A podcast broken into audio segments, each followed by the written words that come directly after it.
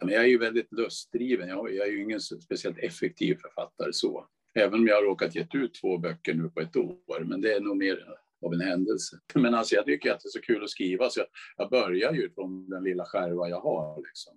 Och så skriver jag.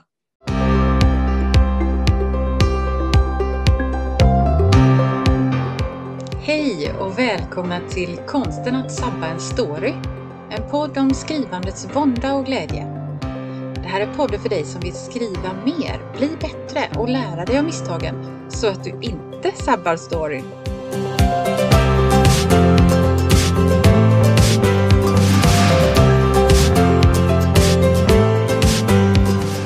Jag heter Anna-Karin Svanå. Jag är skrivarcoach, lektör och författare. Men nu sätter vi igång!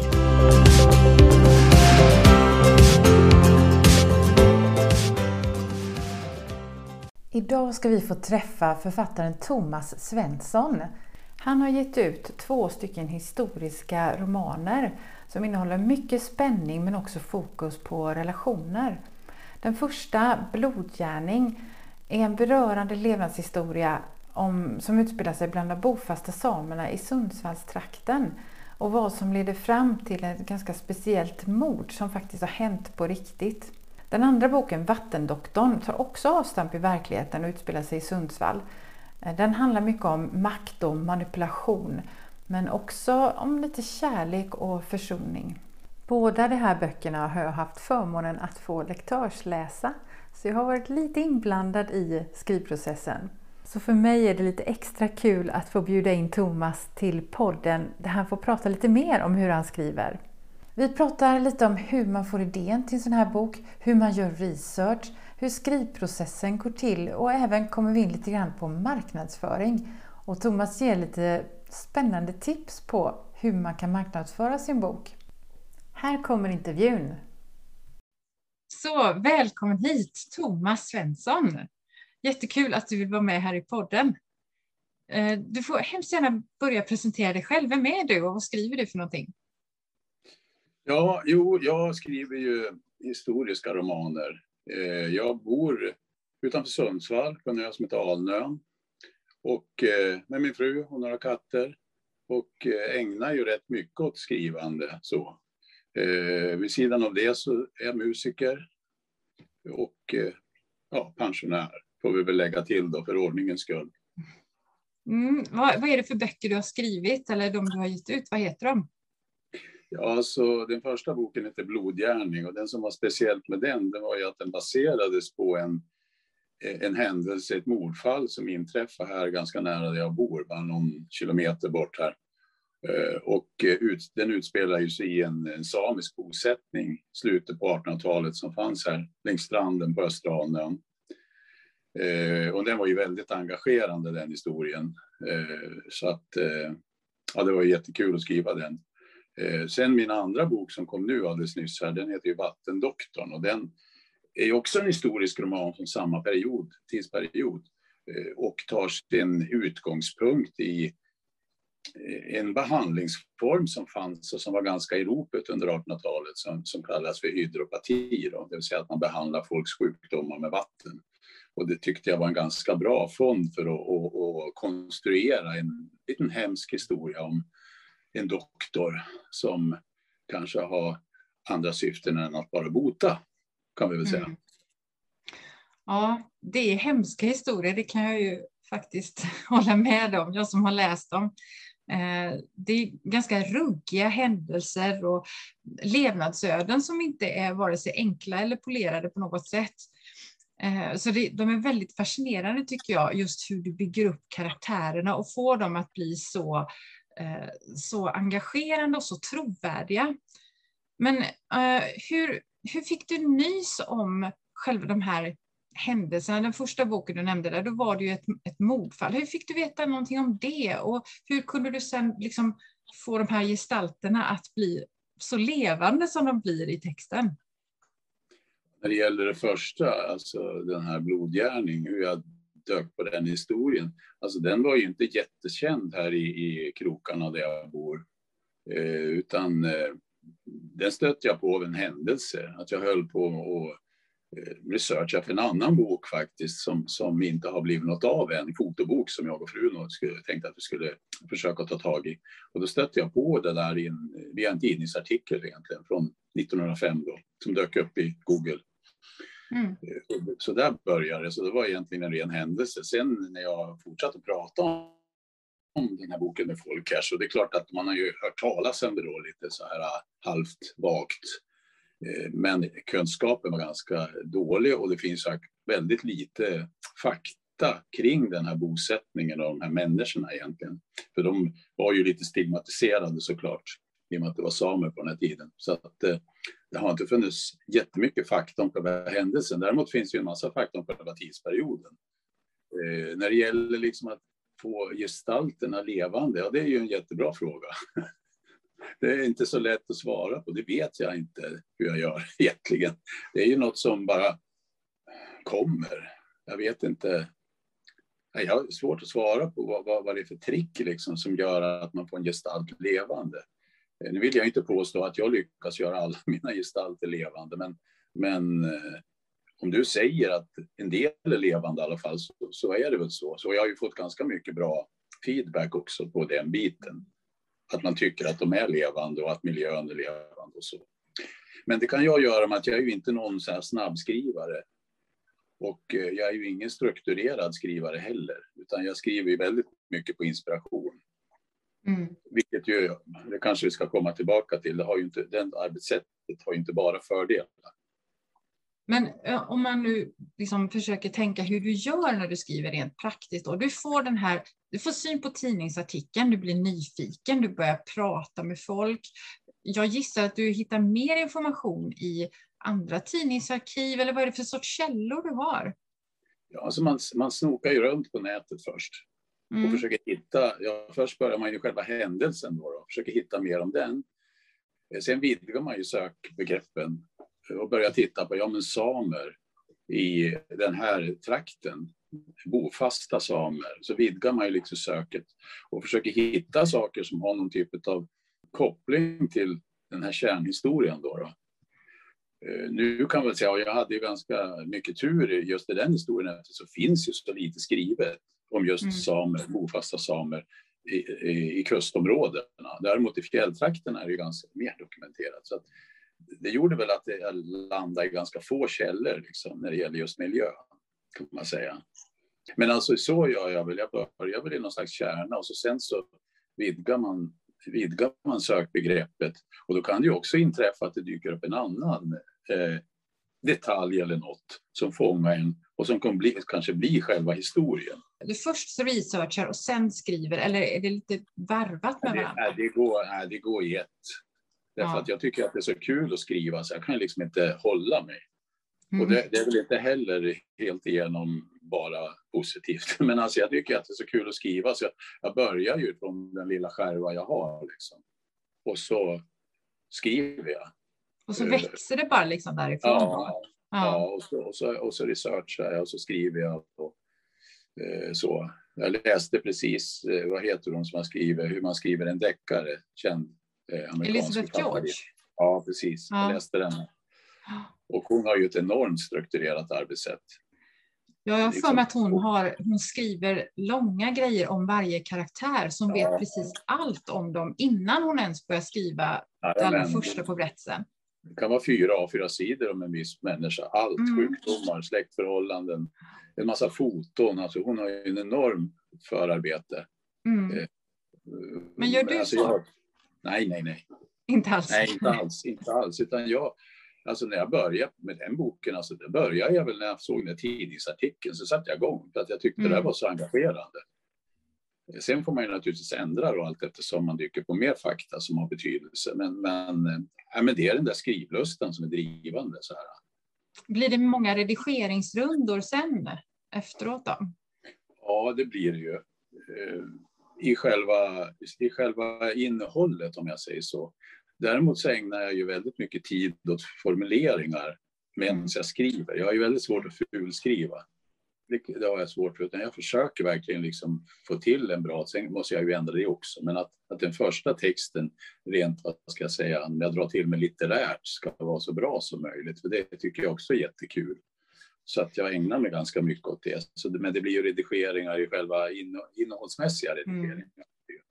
Ja, men det där är ju intressant tycker jag, för att eh, ju fler personer jag pratar med som skriver, desto fler olika metoder tycker jag att jag får höra om.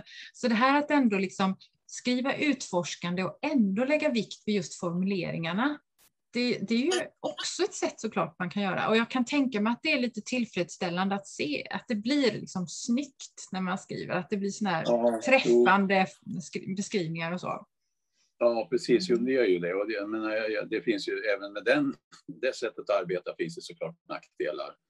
Att man låser i saker och man, man liksom skapar sina darlings så, eh, mm. som är svåra att göra sig av med sen. Men, men, ja, men jag är ju väldigt lustdriven. Jag, jag är ju ingen speciellt effektiv författare så. Även om jag har råkat ge ut två böcker nu på ett år. Men det är nog mer av en händelse.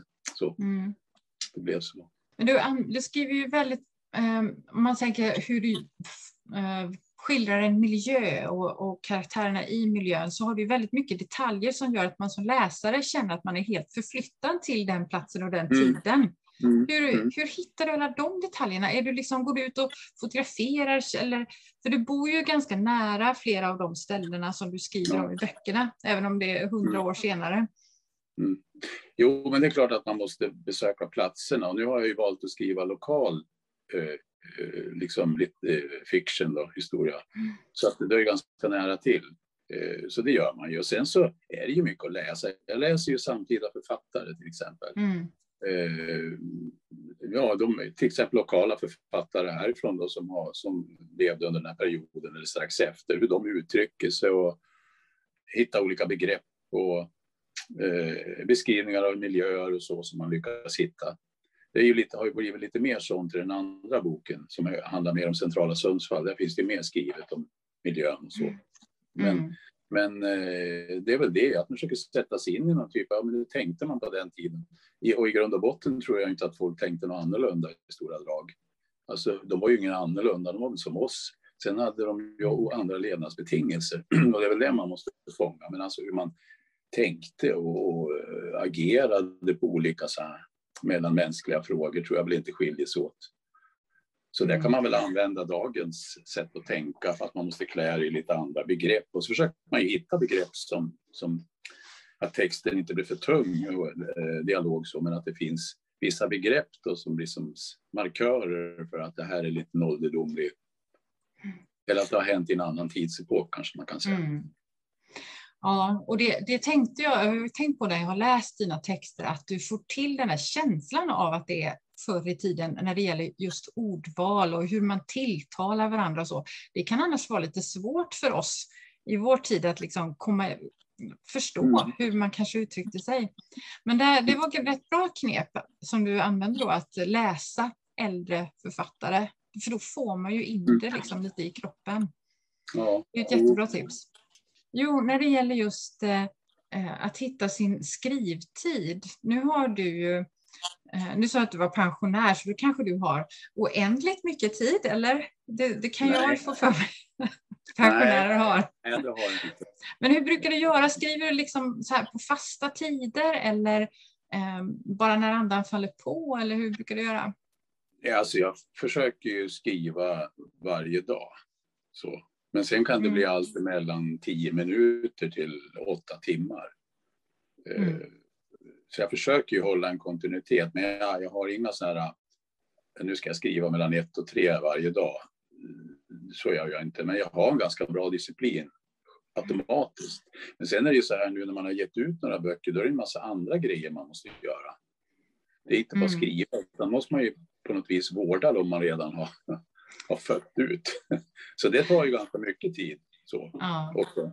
Men, men äh, jag har en, en hyfsad, jag får liksom inte tvinga mig själv. Och jag tror inte att det har så mycket med det här att jag är pensionär, för jag har ju, det är ju massor med grejer som jag håller på med. Jag har ju andra åtaganden också, det är föreningar och det är träning och det är gud vet vad. Så att dagarna är ju fulla, men jag har ändå ganska lätt tycker jag, liksom, att ta den där tiden för att skriva, åtminstone lite då och då. Och sen har jag ingen tidshets. Har ju ingen sån här, ja, förlaget ska ha ett råmanus sista oktober-prylar att tänka på. Mm, det kan ju vara skönt faktiskt.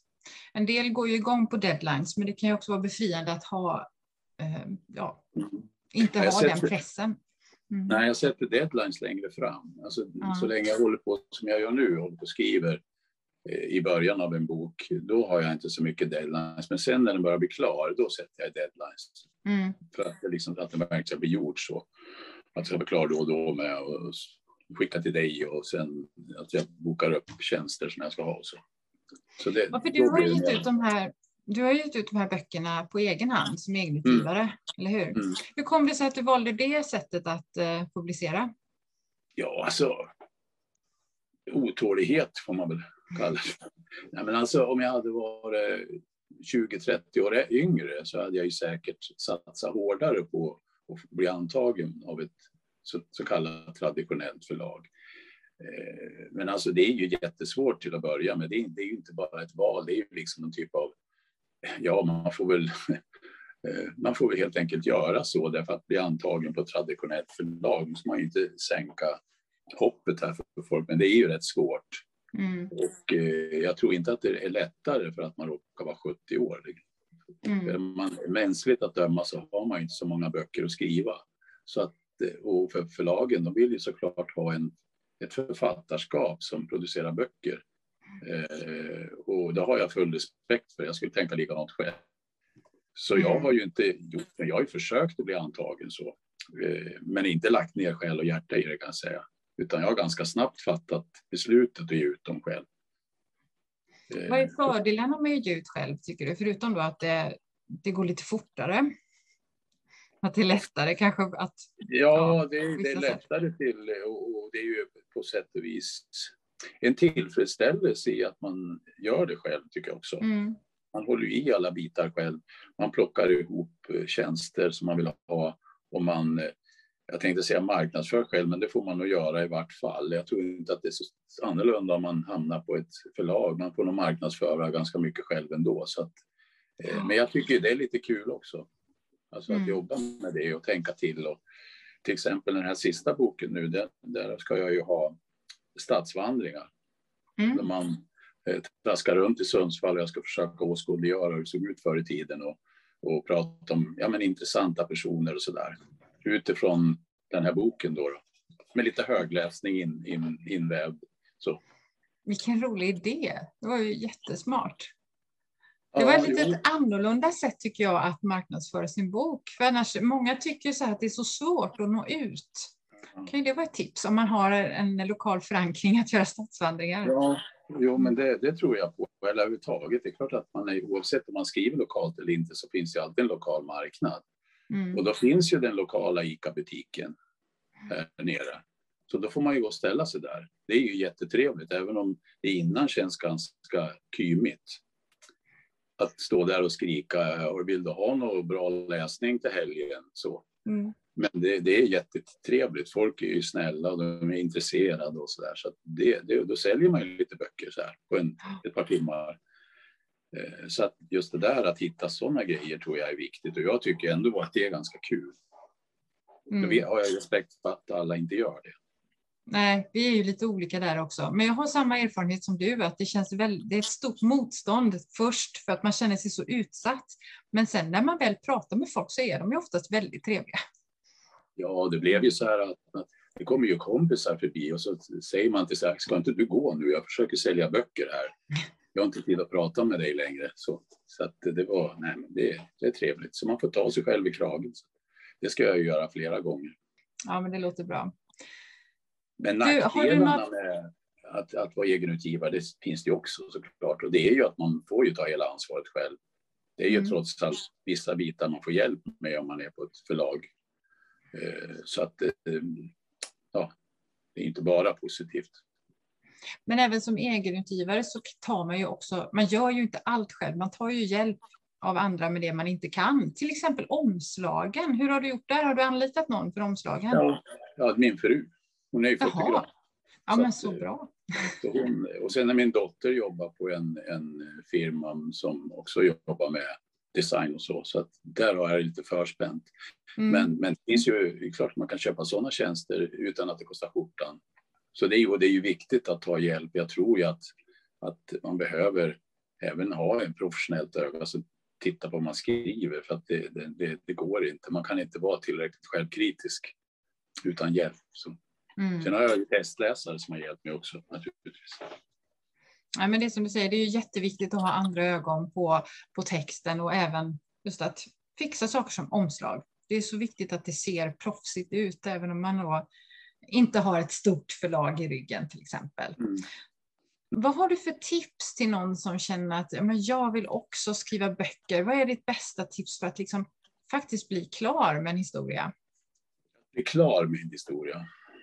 Ja, eller Oj, komma igång och, och fullfölja. Ja, att, att, komma igång tror jag att det, det, är att man måste börja och finna lusten i att skriva. Att, att, och, man, och, få, och inse att det kommer att ta ett tag. Alltså det här är ju ett yrke som alla andra kan man ju säga. Det är en massa tricks och fix man måste lära sig men att eh, det kan man ju göra allt eftersom. Man behöver inte liksom gå kurs eller så för att börja skriva. Det är bara att sätta igång om man känner lust för det. Mm.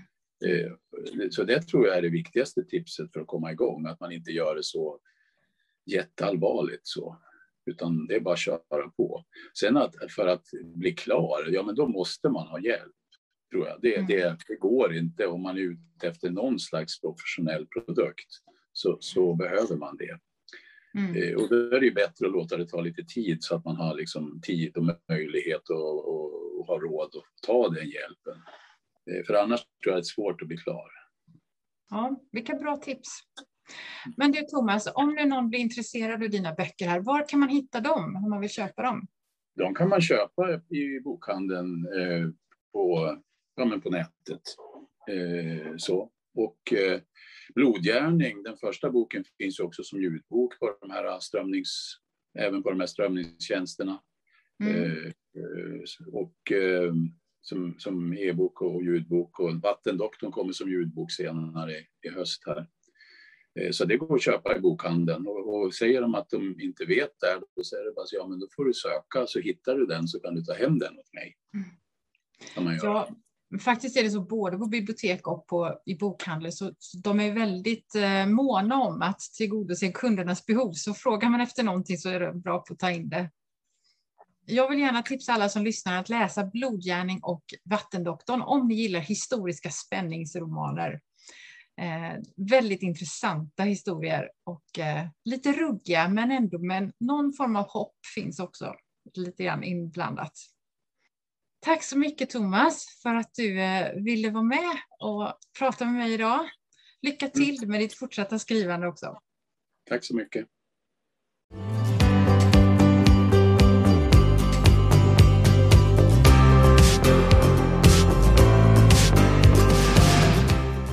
Det var allt för idag. Om du gillar podden skulle det vara toppen om du tipsar andra skrivintresserade. Titta gärna in på min hemsida www.annakarinsvana.se. Där hittar du en gratis minikurs om att börja skriva och där finns också mer information om mina tjänster och kurser. Men nu är det dags att börja skriva.